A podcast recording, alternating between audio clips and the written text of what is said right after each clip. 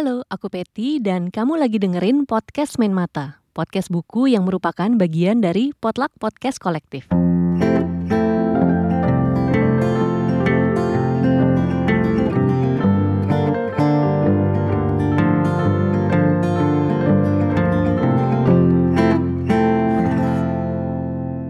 Follow Potluck Podcast di Instagram @potluckpodcast untuk tahu update terbaru seputar kegiatan yang ada di dalam kolektif kami. Hai teman-teman, di bab ini aku mau ngerekomendasiin kamu sebuah buku psychological thriller karya penulis Indonesia nih, yang menurutku oke okay banget. Judul bukunya itu Kelap Dalam Swalayan, ini ditulis oleh Abi Ardianda dan diterbitkan oleh penerbit baca. Disclaimer dulu ya, jadi aku tuh jarang menikmati cerita psychological thriller dalam bentuk buku, dan ternyata aku emang lebih banyak mengonsumsi cerita-cerita semacam ini tuh dalam bentuk film. Jadi kayaknya nih ya, pendapatku tentang buku ini akan banyak mengacu ke ingatan dari film yang pernah aku tonton. Nah, menurutku pribadi sih, buku Kelap dalam Swalayan ini patut banget dikasih dua jempol. Aku suka dengan topik-topik yang diangkat lewat tokoh utama di buku ini. Jadi dia tuh mengangkat tentang keperempuanan, kemudian ada sokol tata krama yang dijunjung oleh keluarga, tapi ya justru malah mengikat kebebasan seorang anak khususnya perempuan. Soalnya di buku ini tuh satu keluarga anaknya perempuan semua, tiga orang lagi. Jadi bukunya ngomongin tentang konsep pernikahan, pertemanan, dan juga keberanian untuk memilih. Nah, aku ngerasa penulisnya tuh banyak memakai pendekatan film thriller atau horor yang slow burn gitu. Jadi di awal sampai tengah kita diajak untuk mendalami latar belakang karakter-karakternya dulu biar kita tahu nih kenapa si dia atau si dia melakukan hal yang mereka lakukan. Terus juga penulis sambil ngasih semacam hint-hint kecil yang bikin kita penasaran dan di bagian belakang baru deh terungkap semua. Mungkin kalau misalnya compare ke film psychological thriller atau horror yang baru-baru rilis gitu. Kayaknya kalau buatku sih bisa dibandingin sama Midnight Mass. Ini series di Netflix yang menurutku bagus banget. Dari segi slow burn-nya tuh mirip, soalnya si Midnight Mass ini di awal emang bener-bener berasa pelan banget. Kayak jump scare-nya tuh dikit abis, jadi penonton tuh diajak buat mengenal karakter-karakternya dulu. Gimana sih pemikiran mereka? Soalnya emang series ini tuh dialognya banyak banget ya. Kalau suamiku bilang ya, dia kayak, ini kenapa ya semua tokohnya kok kayak pengen nyeritain banget gitu tentang dirinya. Tapi nih, pertengahan series ke belakang, wah mulai gila ceritanya. Jadi nontonnya tuh kayak mesti sabar dan menurutku worth the wait banget. Dan kelap dalam swalayan juga menurutku sama Oke, jadi sebelum aku ngebahas bukunya, aku mau ngajak kamu buat ngedengerin cuplikan novelnya dulu ya sedikit. Yuk.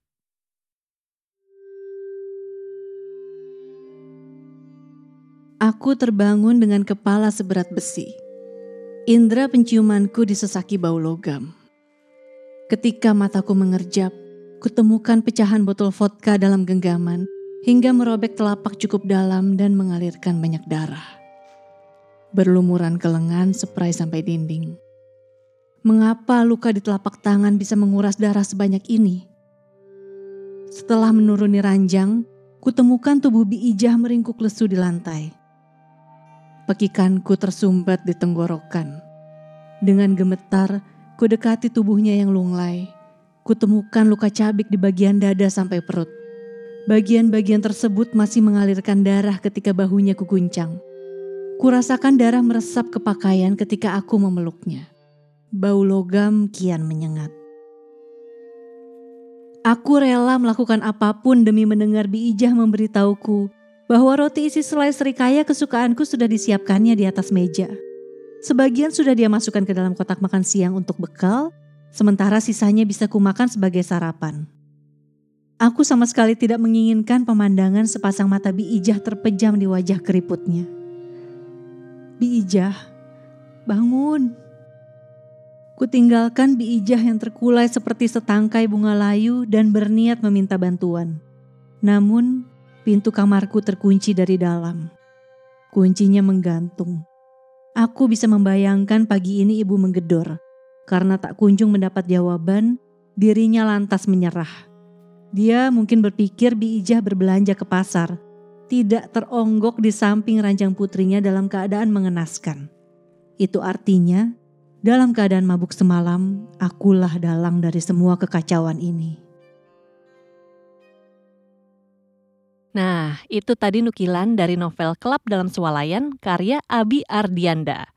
Yang aku bacain tadi tuh salah satu bagian seru yang pas baca cukup bikin aku bertanya-tanya banyak hal ya seputar si tokoh dan orang-orang di sekelilingnya. Jadi, novel Kelab dalam Swalayan dibuka dengan adegan tokoh utama kita namanya Sonja atau mungkin Sonya ya. Jadi ini pakai ejaan lama gitu sepertinya. Dia membopong sosok perempuan ke sebuah kamar motel dalam keadaan basah kuyup karena keujanan. Tapi paman di resepsionis motel itu nggak tahu nih kalau perempuan yang dibopong Sonya itu udah mati. Jadi Sonya tuh mau menaruh jenazah perempuan itu di kamar motel dan dibiarin aja tergeletak di sana. Nah, kenapa Sonya melakukan itu? Terus siapa sih perempuan yang dibopong Sonya itu yang udah jadi jenazah? Apakah Sonya yang bunuh? Dari situ kita diajak untuk flashback ke 40 hari sebelum kejadian penulis mengajak kita untuk menelusuri latar belakang dan kepribadiannya Sonya. Tentang Sonya yang akan menikah dalam waktu dekat dengan laki-laki bernama Nohan. Terus juga tentang Sonya si pekerja kantoran middle class yang berprofesi sebagai fashion designer. Ada juga tentang Nohan yang kaya raya, karirnya sukses tapi narsis berat. Dan dia menganggap kekasihnya itu semacam trophy wife gitu ya. Alias cewek cantik yang bisa dibanggain kalau dibawa buat ketemu klien atau orang-orang berpengaruh. Terus juga kita diajak untuk masuk ke pikiran Sonya yang mempertanyakan kesiapan dia untuk menikah. Padahal semua teman-temannya bilang kalau Sonya tuh beruntung banget bisa dapetin Nohan. Secara ya, mereka preweddingnya itu di India dan budget preweddingnya itu sebesar gaji Sonya kalau kerja selama setahun. Anggap aja misalnya nih gajinya 15 juta deh ya, dikali 12 tuh udah kebayang lah ya berapa. Intinya sih, Sonya nggak cinta sama Nohan. Dia nggak pernah ngerasain hal yang sama dengan yang konon dirasain Nohan ke dia. Tapi ya dia tetap menerima Nohan karena ngerasa itulah yang ibunya harapkan dan mungkin society harapkan juga. Terus ngomong-ngomong soal ibunya, kita juga diajak untuk melihat latar belakang keluarga Sonya yang fakta banget. Sonya ini tiga bersaudara, dia anak ketiga. Ayahnya udah meninggal dan ibunya ngebesarin dia seorang diri. Bayangin keluarganya Sonya ini keluarga yang tradisinya itu totok banget dan menganggap perempuan tuh di bawah laki-laki. Kemudian kalau perempuan gak nikah-nikah diributin sama keluarga. Ya kurang lebih didikan ibunya kayak gitulah. Emang agak ironis sih, soalnya ibunya Sonya itu ngebesarin mereka semua sebagai ibu tunggal ya, dan yang punya bisnis. Tapi masih memegang teguh tradisi yang justru sebenarnya merendahkan perempuan. Nah, di tengah kegundah gulanaannya Sonya nih soal keluarga dan pernikahan, dia tuh nggak sengaja mampir ke sebuah minimarket dan nemuin ada klub di dalamnya. Di situlah dia ketemu dengan seorang penari telanjang bernama Mega, yang ternyata si Mega ini tahu banget tentang Sonya dan bahkan lebih dari yang Sonya tahu tentang dirinya dia tuh tahu sisi tergelap Sonya yang pernah ngebunuh teman semasa SD-nya. Dan dia juga tahu nih gimana perasaan Sonya sama Nohan. Pokoknya semuanya deh nggak ada yang bisa dia tutupin. Dari ketemu Mega, alur tuh kemudian bergerak maju. Kita akan melihat Sonya menemukan pembantu rumahnya yang bernama Bi Ijah mati di dalam kamarnya. Ini yang tadi cuplikannya kamu dengerin ya di awal. Di kamarnya tuh waktu itu cuma ada Sonya yang baru bangun abis hangover. Jadi dia nggak sadar dia abis ngapain. Kemudian juga abis itu Sonya ketemu Cakra, laki-laki yang diem-diem dia naksir nih. Terus juga ada kejadian bunuh diri kakaknya Sonya yang seorang dokter bedah. Dan dari situlah Sonya mulai perlahan inget tuh adegan kematian ayahnya dan banyak peristiwa yang selama ini tertutup dari ingatannya. Dan ternyata menguak dalang dibalik semua peristiwa mengenaskan di sekitar Sonya. Nah, secara keseluruhan ceritanya seru banget sih menurutku. Walaupun bisa dibilang masih ada sedikit loophole lah ya. Misalnya nih, cara Sonya membersihkan jejak biijah, itu tuh buatku digambarkannya kayak terlalu mudah dan lancar aja. Dan dari psikologis Sonya, nggak tahu deh ya, kalau baru pertama kali nemuin orang mati di kamar gitu, kayaknya kok dia digambarin agak terlalu tenang dan terencana banget. Soalnya nih, kalau misalnya kamu udah nonton series You yang season 2 ya di Netflix, itu tuh ada tokoh utama yang namanya Love kan. Nah, dia nih abis ngebunuh atau ngelukain orang aja pasti selalu panik dulu, soalnya dia tipe pembunuh yang impulsif. Dan cara ngebersihin mayatnya juga nggak semudah itu.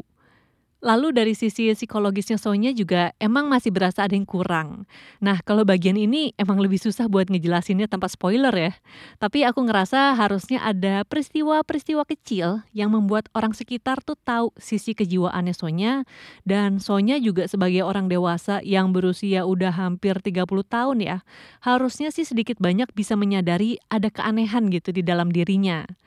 Terus kurasa juga ada beberapa adegan atau tokoh yang sebenarnya punya latar belakang cerita yang lebih dalam, tapi oleh penulis nggak dimasukkan ke dalam novel jadinya, dan ini yang membuat beberapa bagian jadi kurang kuat.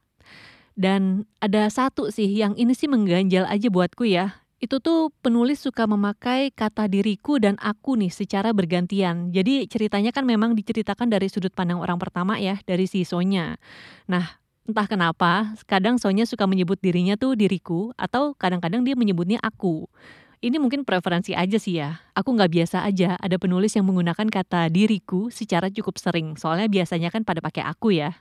Tapi, overall, aku suka banget dengan gaya penulisan dan topik-topik yang dieksplor. Jadi ini tuh cukup dekat dengan kehidupan perempuan pada umumnya, apalagi tentang bayang-bayang harus menikah. Padahal sebenarnya kan bisa ditanyakan lagi ya, emang harus ya menikah? Ada kan pilihan untuk tidak menikah. Kemudian juga tekanan kultur keluarga. Duh, kalau ini tuh aku kebayangnya langsung keluarga Jawa totok yang harus hormat dan tunduk sama orang tua gitu loh. Sebenarnya mungkin bukan di Jawa aja ya, tapi di banyak kultur seperti itu tapi aku pakai referensi Jawa Totok ya soalnya ini yang paling aku sering denger lah di sekitarku. Nah aku baca buku ini tuh cuma dalam dua hari ya karena di seperempat jalan udah gak bisa berhenti pengen tahu siapa woi pelakunya. Biasanya kan kalau menikmati cerita thriller yang bikin gak bisa berhenti ya karena kita nebak pelakunya terus ngecek ya sampai akhir tuh bener apa enggak nih. Ternyata aku cuma bener 50%. Yang 50 persennya lagi tidak tertebak. Kalau kamu tertarik buat baca buku ini, bisa langsung beli melalui penerbit baca ya. Segitu dulu rekomendasinya. Terima kasih sudah mendengarkan bab ini. Kalau misalnya kamu suka, aku akan berterima kasih sekali jika kamu mau merekomendasikan podcast Main Mata ke teman-teman kamu yang suka baca buku. Jangan lupa follow juga podcast Main Mata di Spotify dan subscribe juga channel YouTube-nya Potluck Podcast Kolektif karena kalau di situ aku juga suka ngasih rekomendasi buku yang gak ada di platform podcast lainnya. Terus support juga ya podcast Main Mata dan juga Potluck Podcast Kolektif dengan follow di Instagram @potluckpodcast. Segitu dulu, sampai jumpa lagi. Dadah!